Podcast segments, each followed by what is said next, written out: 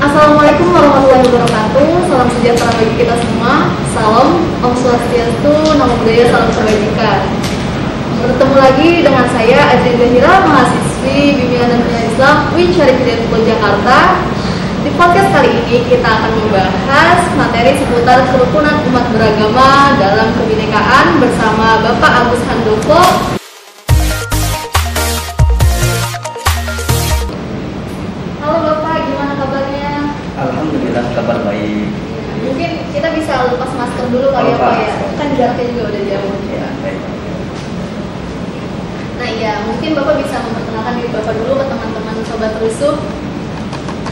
Baik.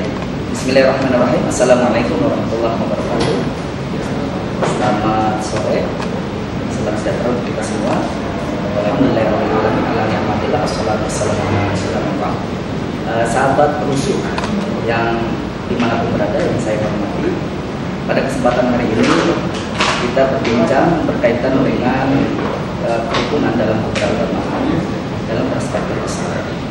Tapi sebelumnya saya akan memperkenalkan diri sesuai host yang terbaik kepada saya. Nama saya Abi Sadowo. Eh, pendidikan terakhir saya, saya di National Islamic University of Islamabad, Pakistan. Nanti alumni kuliahnya Salam Quran dan saat ini saya sedang menyelesaikan program doktoral di PTUG Jakarta dalam program tafsir juga dengan jurusan yang sama.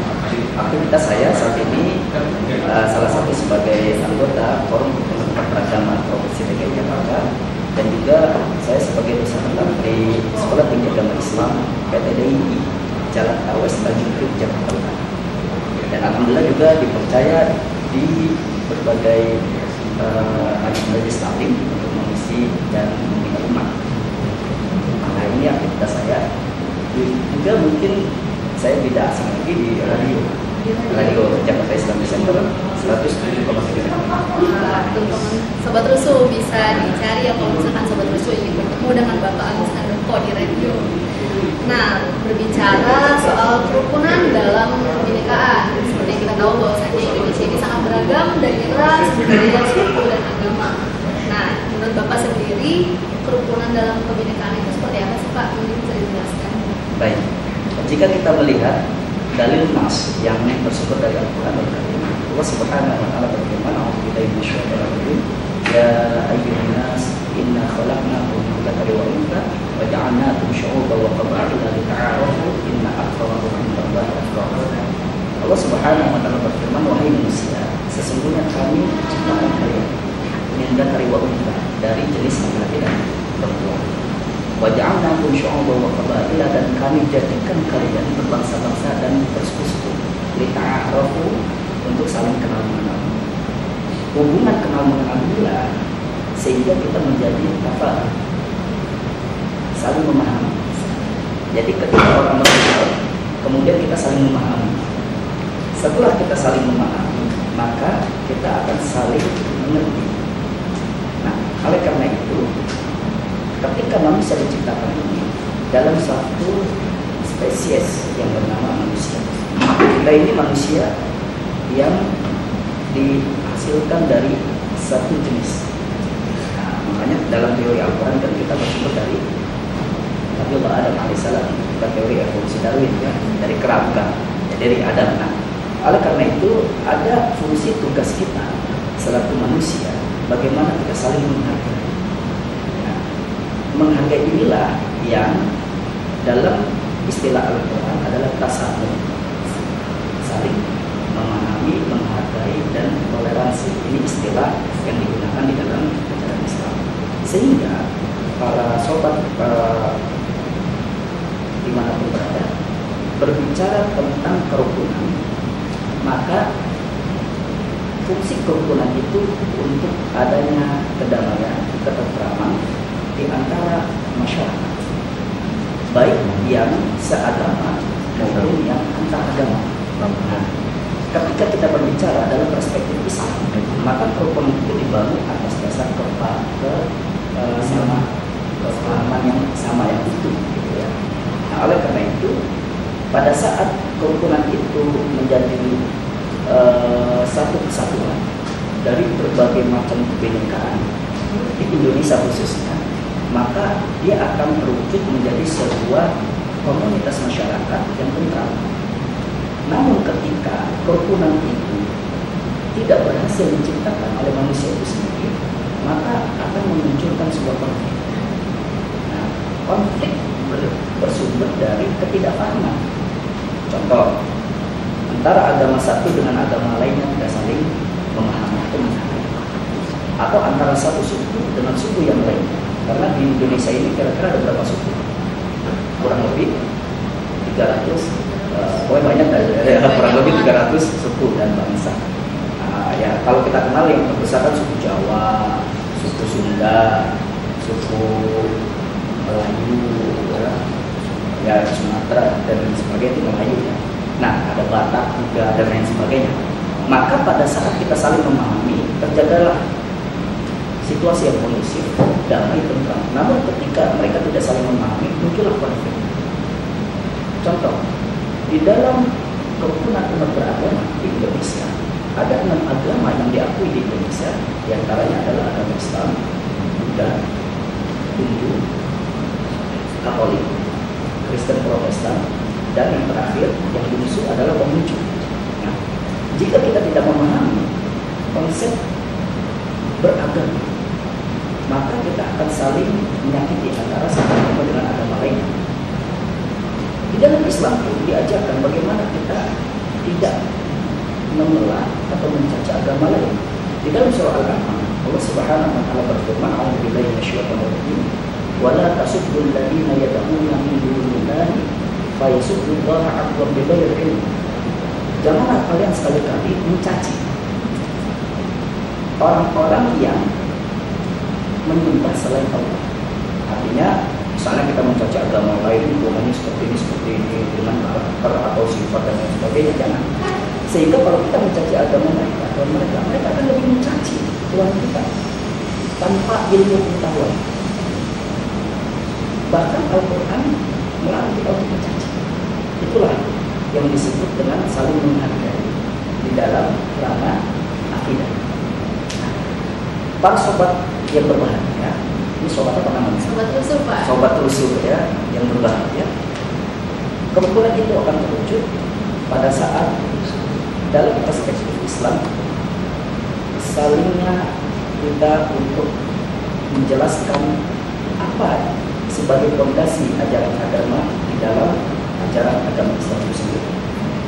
Fondasi maqasid tasyri atau tujuan kita beragama dalam menjalankan ajaran kita sendiri ada lima. Yang pertama adalah ikuti memelihara agama. Kita tujuan beragama itu memelihara agama kita sendiri.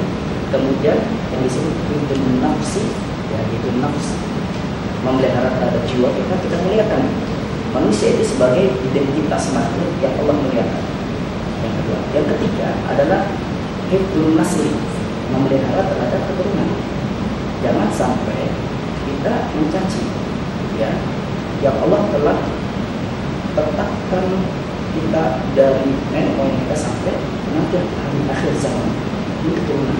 Kemudian yang disebut keempat itu akli memelihara terhadap akal pengetahuan. Dituntut untuk selalu mengkaji, menelaah, belajar. Nah, seperti mahasiswa UIN terus belajar, jangan sampai puas dengan ilmu yang didapatkan. Kemudian yang kelima adalah hikmah pemeliharaan terhadap karena Allah mengamanahkan kita harta benda untuk mencapai ridho Allah.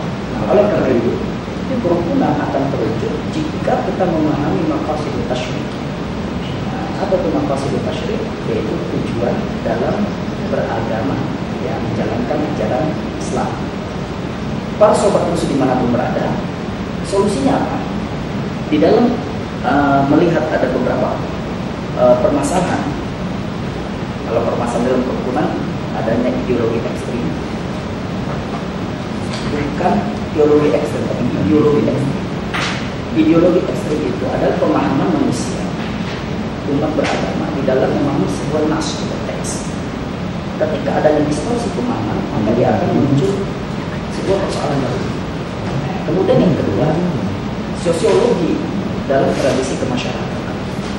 Itu terkadang ada orang tidak memahami dalam satu masyarakat tertentu akan beda dengan masyarakat yang lain. Contoh, masyarakat Jawa otomatis ada perbedaan dengan masyarakat Sunda. Kalau mbaknya dari masyarakat Sunda. Sunda. Nah, kalau Mas Rizky dari masyarakat Jawa misalnya, dia akan berbeda. Dan itu harus memahami dalam sosiologi kemasyarakatan. Karena persoalan itu pasti akan muncul. Kemudian yang ketiga, diskriminasi antara mayoritas dan minoritas.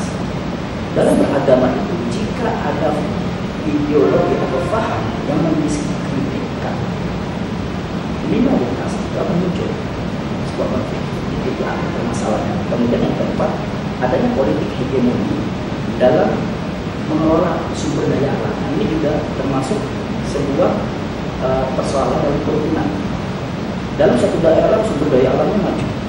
Di daerah lain sumber daya alamnya tidak maju. Sehingga ini ada ke uh, diskriminasikan jadi diskriminasi inilah nanti yang akan memunculkan sebuah konflik. Dan bisa konflik kerukunan. Nah, oleh karena itu solusi konflik itu adalah perang. Nah, misalnya dalam muslim itu para kiai, ya, para ustadz, para sesepuh, syekh gitu ya, kemudian para habaib itu memiliki tanggung jawab untuk menyadarkan bagaimana pentingnya membangun kerukunan yang hakiki di dalam negara kesatuan Republik Indonesia. Kalau kita tidak turun tokoh-tokoh agama, maka masyarakat di kalangan tersebut, kalangan dia akan menjadi liar, tidak terkendali. Oleh karena itu pentingnya peran dan fungsi di sini. Nah, kemudian ketika pada posisi yang adanya diskriminasi antara mayoritas dan minoritas, maka sifat adil itu al-adil harus ditunjukkan. Jadi tidak akan mungkin terwujud kerukunan kalau munculnya ketidakadilan. Jangan sampai mayoritas merasa minoritas. Nah, ya, minoritas merasa mayoritas. Jadi di hadapan hukum, mayoritas maupun minoritas di, di sebuah masyarakat itu harus tunduk pada hukum. Kalau kita negara-negara hukum, maka kita harus tunduk pada negara. Kalau kita negara daulah Islamiyah, maka tunduk kepada hukum agama, kan gitu. Nah maka tidak ada diskriminasi bahkan Islam pun mengajarkan kita sampai Rasulullah Shallallahu Alaihi Wasallam bersabda sekalipun Fatimah binti Muhammad Fatimah Fatimah itu siapa? Putri Rasulullah sarapat mencuri. Maka Rasulullah yang akan memotong tangan itulah keadilan. Jadi tidak ada istilah diskriminasi. Undang-undang ini anak anak pemimpin bebas. Kalau dia berbuat kriminal berbuat kejahatan. Tidak. Pandangan ajaran Islam itu adalah adanya keadilan di mana itu luar biasa maka muncul kerukunan nah ini yang menjadi fondasi kita dalam memahami kerukunan umat beragama ketika kita berada di dalam sebuah negara yang universal bineka nah itu jadi siapa namanya Mbak Ajri. Mbak Ajri itu secara uh, apa namanya produk dari saya tentang kerukunan dan persatuan. Nah, sobat rusuk sudah banyak banget ya ilmu yang bisa kita dapat dari Bapak Agus Andoko. Terima kasih kepada Bapak atas penyampaian materinya. Semoga apa yang sudah disampaikan bisa menjadi ilmu buat kita untuk menjalani kehidupan kita sehari-hari. Terima kasih. Assalamualaikum warahmatullahi wabarakatuh.